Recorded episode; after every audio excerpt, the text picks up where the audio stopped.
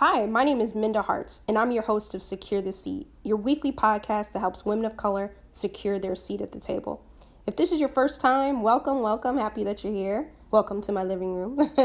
uh, if you are a weekly listener, I, you're my sister, you're my brother, whoever's out there listening, I appreciate you. Thank you for supporting Secure the Seat because you know that securing our seat is not just about us, it's about bringing other people that look like us with us.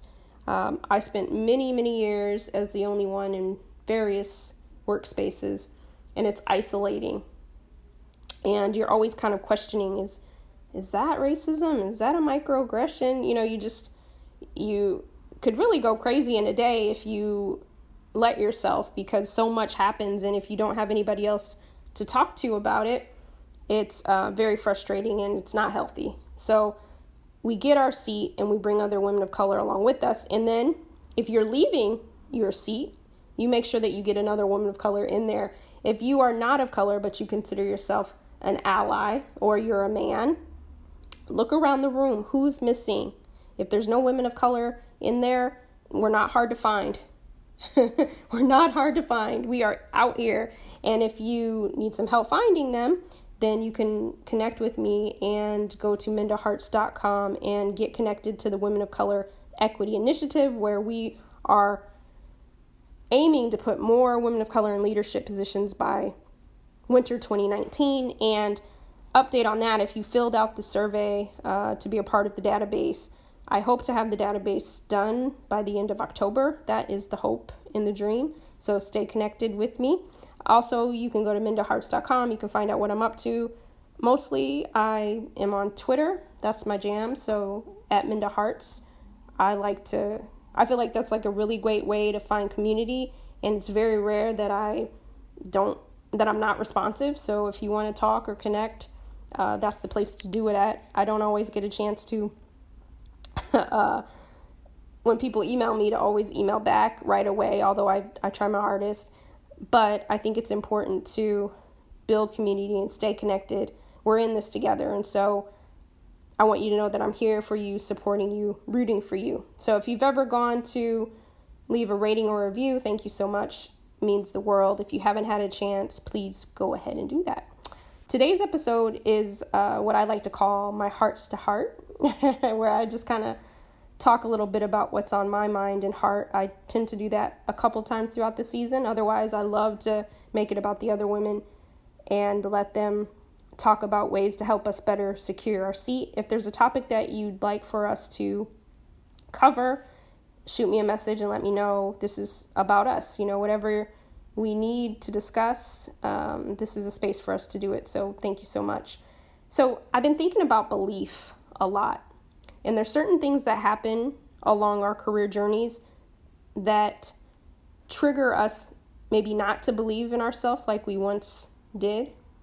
I remember I was going through a situation um, at one time in my career and it broke me down to the ground and I was the only one only one woman of color in the in the position um, on a team of like 15 and I write a lot about this situation in my book that comes out next year, and so I, I won't go into too much detail, but I used to think that I was really good at my job, but because these situations kept happening um, with certain colleagues, it started to chip at my belief in what I could do and my work.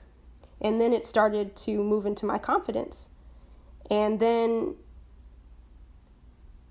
it brought about anxiety and panic attacks. And it was like this chain reaction. And for 10 years, I'm like stunting on them, doing my thing, high achiever, moving up the ladder. And then I ended up in this one situation and I let um, the woman happened to be white uh, get the best of me in a sense of um, being the only black woman in the space, it, it was some issues there, and and I tried to give her the benefit of the doubt, and I took a lot from her, um, and then it just got really bad. And so I say all that to say, I questioned was I good at my job anymore, And I still was performing at a high level. My metrics were still good. That wasn't the issue. But she got to me internally. She got in my mind and it started to mess with my belief. And as we think about the next three months of the year, I know you're seeing these memes, you're seeing these posts like, yeah, get it, go hard, you still got time. And, and I believe all those things are true. you may even see me retweet one of those. But what I want to tell you is none of that matters if we're not right within. If our belief system is shaky, if our confidence is not intact, then killing it and slaying it will be very difficult because we have to believe in ourselves that we belong. We have to believe in ourselves that we can do it. And when we allow other people to chip away at that, even just a little bit, it sets off a very negative chain reaction. And so, if there's anything, if you look back on the last nine, ten months and you're like, I'm not where I should be, I'm questioning, am I good at this anymore? Am I in my purpose? Don't even think that way. Yes, you have three months to do whatever it is you want to do, but the main thing is making sure that you get your belief back, that you get your faith back in yourself. Because when you have that faith back in yourself, you can secure any seat you choose at any table you want. But if your belief is shaky, when the table or the chair opens up, you won't be able to keep that seat because you're always questioning, you're always wondering. And so I just want you to know that we have to take care of our inner. Oftentimes, we're really focused on the outer, like, oh, let me go take this webinar course, let me go take this boot camp, let me go do this and level up, level up, level up, right? And level up is very important. But we have to remember that we got to level up inside too, because none of those credentials, none of those accolades will mean anything if you can't hack it in your mind. And so I just want to let you know that your inner peace, your inner spirit, your inner belief system is just as important uh, as the outer and I think a successful woman, oftentimes we measure success with money, right? But the happiness part of it comes from the internal. So if you're around people that chip away at that belief system of yours, cut them off. I'm not saying you have to uh, not be friends with them or not marry them or date them anymore, but what I'm saying is unfollow them. Don't allow, don't share your dreams with them. Don't share your goals with them because we can do bad all by ourselves. Don't let anybody get in the midst of messing up your belief system because what's key, I believe, is that these next three months we get ready, we get mentally ready, internally ready. So when those great things start to happen, we're ready for them. Because securing our seat it's a full body experience. We need every part of us to be able to kill it when we get there and not just be grateful that we're there. And so you got to believe that you belong at that table, or it's going to be hard to bring anybody else along with you. And so I know you might be thinking, oh, I got to do this goal and that goal, but the main goal, I hope, is that internally you're feeling good. You're feeding yourself. Uh, lately, I've been experiencing a lot of stress and I realize that I'm have too much on my plate. And that's causing me a lot of angst. And I was already feeling like I had a lot going on. And then um, I was chosen as one of the 2018 American Express Emerging Leaders, and the boot camp was last week.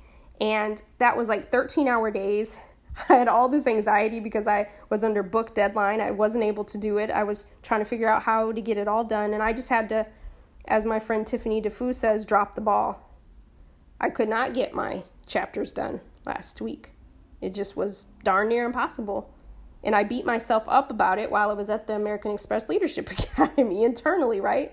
But I had to come to a point of like, my inner person had to be better. And sometimes we can't do everything. And in order for me to secure my seat last week, I had to be fully present. And, um, you know, I, I just felt like we had to take a beat because, you know, the year is almost up. But we can't focus on what we didn't get done. We got to focus on our health because you can't secure your seat if you're not healthy internally. healthy mentally. And I leave you one last thought. There were two artists. One was named Michelangelo, one was Vincent van Gogh. Michelangelo had the Sistine Chapel, David, other things that you might have heard of, Vincent van Gogh, um, Starry Night, and other things you may have heard of. Both of them were phenomenal artists. Phenomenal. But one believed he was an artist before he even was an artist. And one let all of his surrounding naysayers and haters and internal disbelief of himself stop him from truly being amazing. So Michelangelo had a father who used to abuse him every time he'd come back from painting. He'd be like, No, I don't want you painting. You're not going to do it, blah, blah, blah. And Michelangelo would get up and he'd go do his painting and get in trouble, do his painting. But no matter what was going on, he knew he was a painter. Before the Sistine Chapel, he knew that. No matter what people told him, no matter what roadblocks were in his way, he knew he had a he knew he had a seat to secure, and he believed that in himself from day one. Regardless. And so he had that belief system, and that allowed him when you have that freedom to believe in yourself, you can do beautiful things like the Sistine Chapel. And I was in Rome a couple years ago and I got a chance to see it. And with that freedom to believe in yourself, knowing that you can level up like that, you can really do some amazing things. Now, Vincent van Gogh, on the other hand, he had a father, and his father was like, mm, Nope, no son of mine is going to be an artist. You're not going to make any money. And he let all of that static stop him from really being truly an artist. He always questioned himself. And for many years, he didn't even paint. He didn't even do his artwork. He didn't do his passion because he didn't believe that he could. And even though, yes, we know Starry Night, but think about what he really could have produced with the belief. I mean, obviously, he made it. We still know about him in 2018, but he didn't have that belief in himself. That was something he always questioned till his death. And so he stifled himself. We stifle ourselves. And I know this is a podcast about women of color and I'm telling you about two white men, but I think there's something really important in this lesson here. And belief will take you to that seat and help you lock it down. When we're shaky, we're just thriving. We're I mean, I'm sorry, we're not thriving. We're just surviving. And I want you to thrive. I want myself to thrive. And so that starts with that inner belief, that inner core.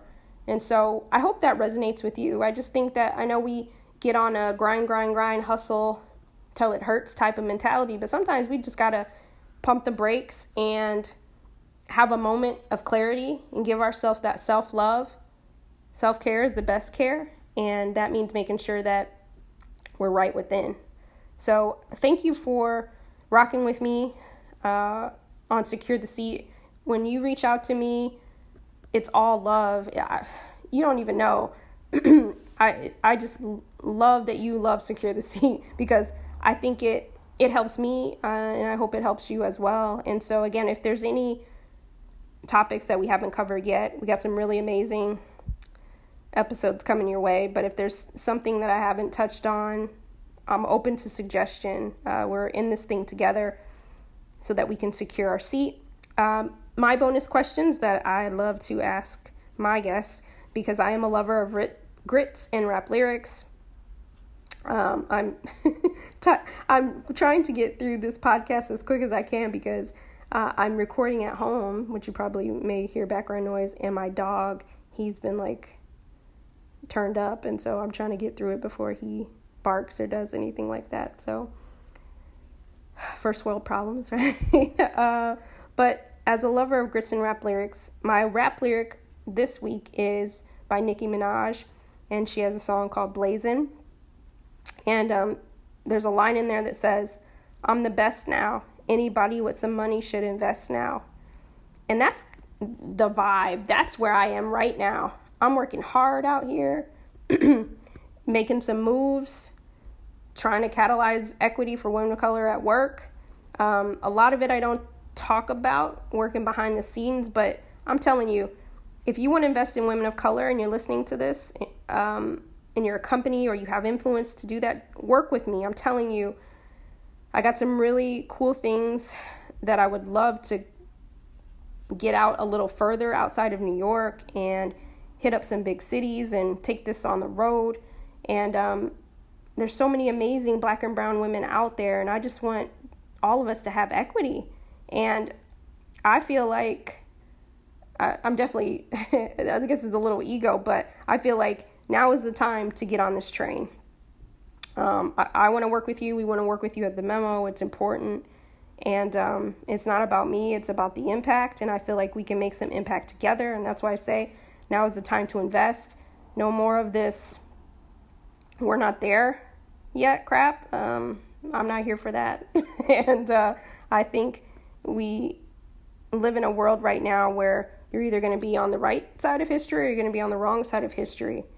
And where do you want your company to be when it comes to the investment in women of color? Women of color will be the majority of the workplace by 2060. So, who's investing in us? And if we're going to be the majority of the workplace, then probably behooves you to be cool with us and invest in us now because we will be the decision makers. So um, I'll leave it at that. but um, securing your seat, what does that mean to me? It means the same thing to me every day, and that's bringing more of us to the table. Um, shout out to those who set the tone for us to be able to show up authentically so those black and brown sisters that were in corporate many years ago that had to show up hair pulled back, straight, real button up, super polished. Thank you for your contribution. Thank you for your sacrifice. Thank you for getting up each and every day when there we could not call anything microaggression because you couldn't even speak about somebody being racist or biased or you'd get fired. Like thank you for holding the space for me so that I can talk about some of these things that maybe you weren't able to talk about. But because of your dedication, because of your sacrifice, I'm able to do that. So thank you for securing your seat in that way so that I can secure mine. So next Wednesday, we'll be back here. I hope you have a good week. Turn the TV off if you need to. Make sure you get registered to vote. Um, help somebody you don't know get registered to vote or someone you do. I think, again, there's a, a lot's at stake right now. And um, we cannot be sleep to it. We have to keep forging. We have to secure our seat. And we have to put people in positions that will help us secure our seat. So that's all I got. I'll see you next week. Have a great day.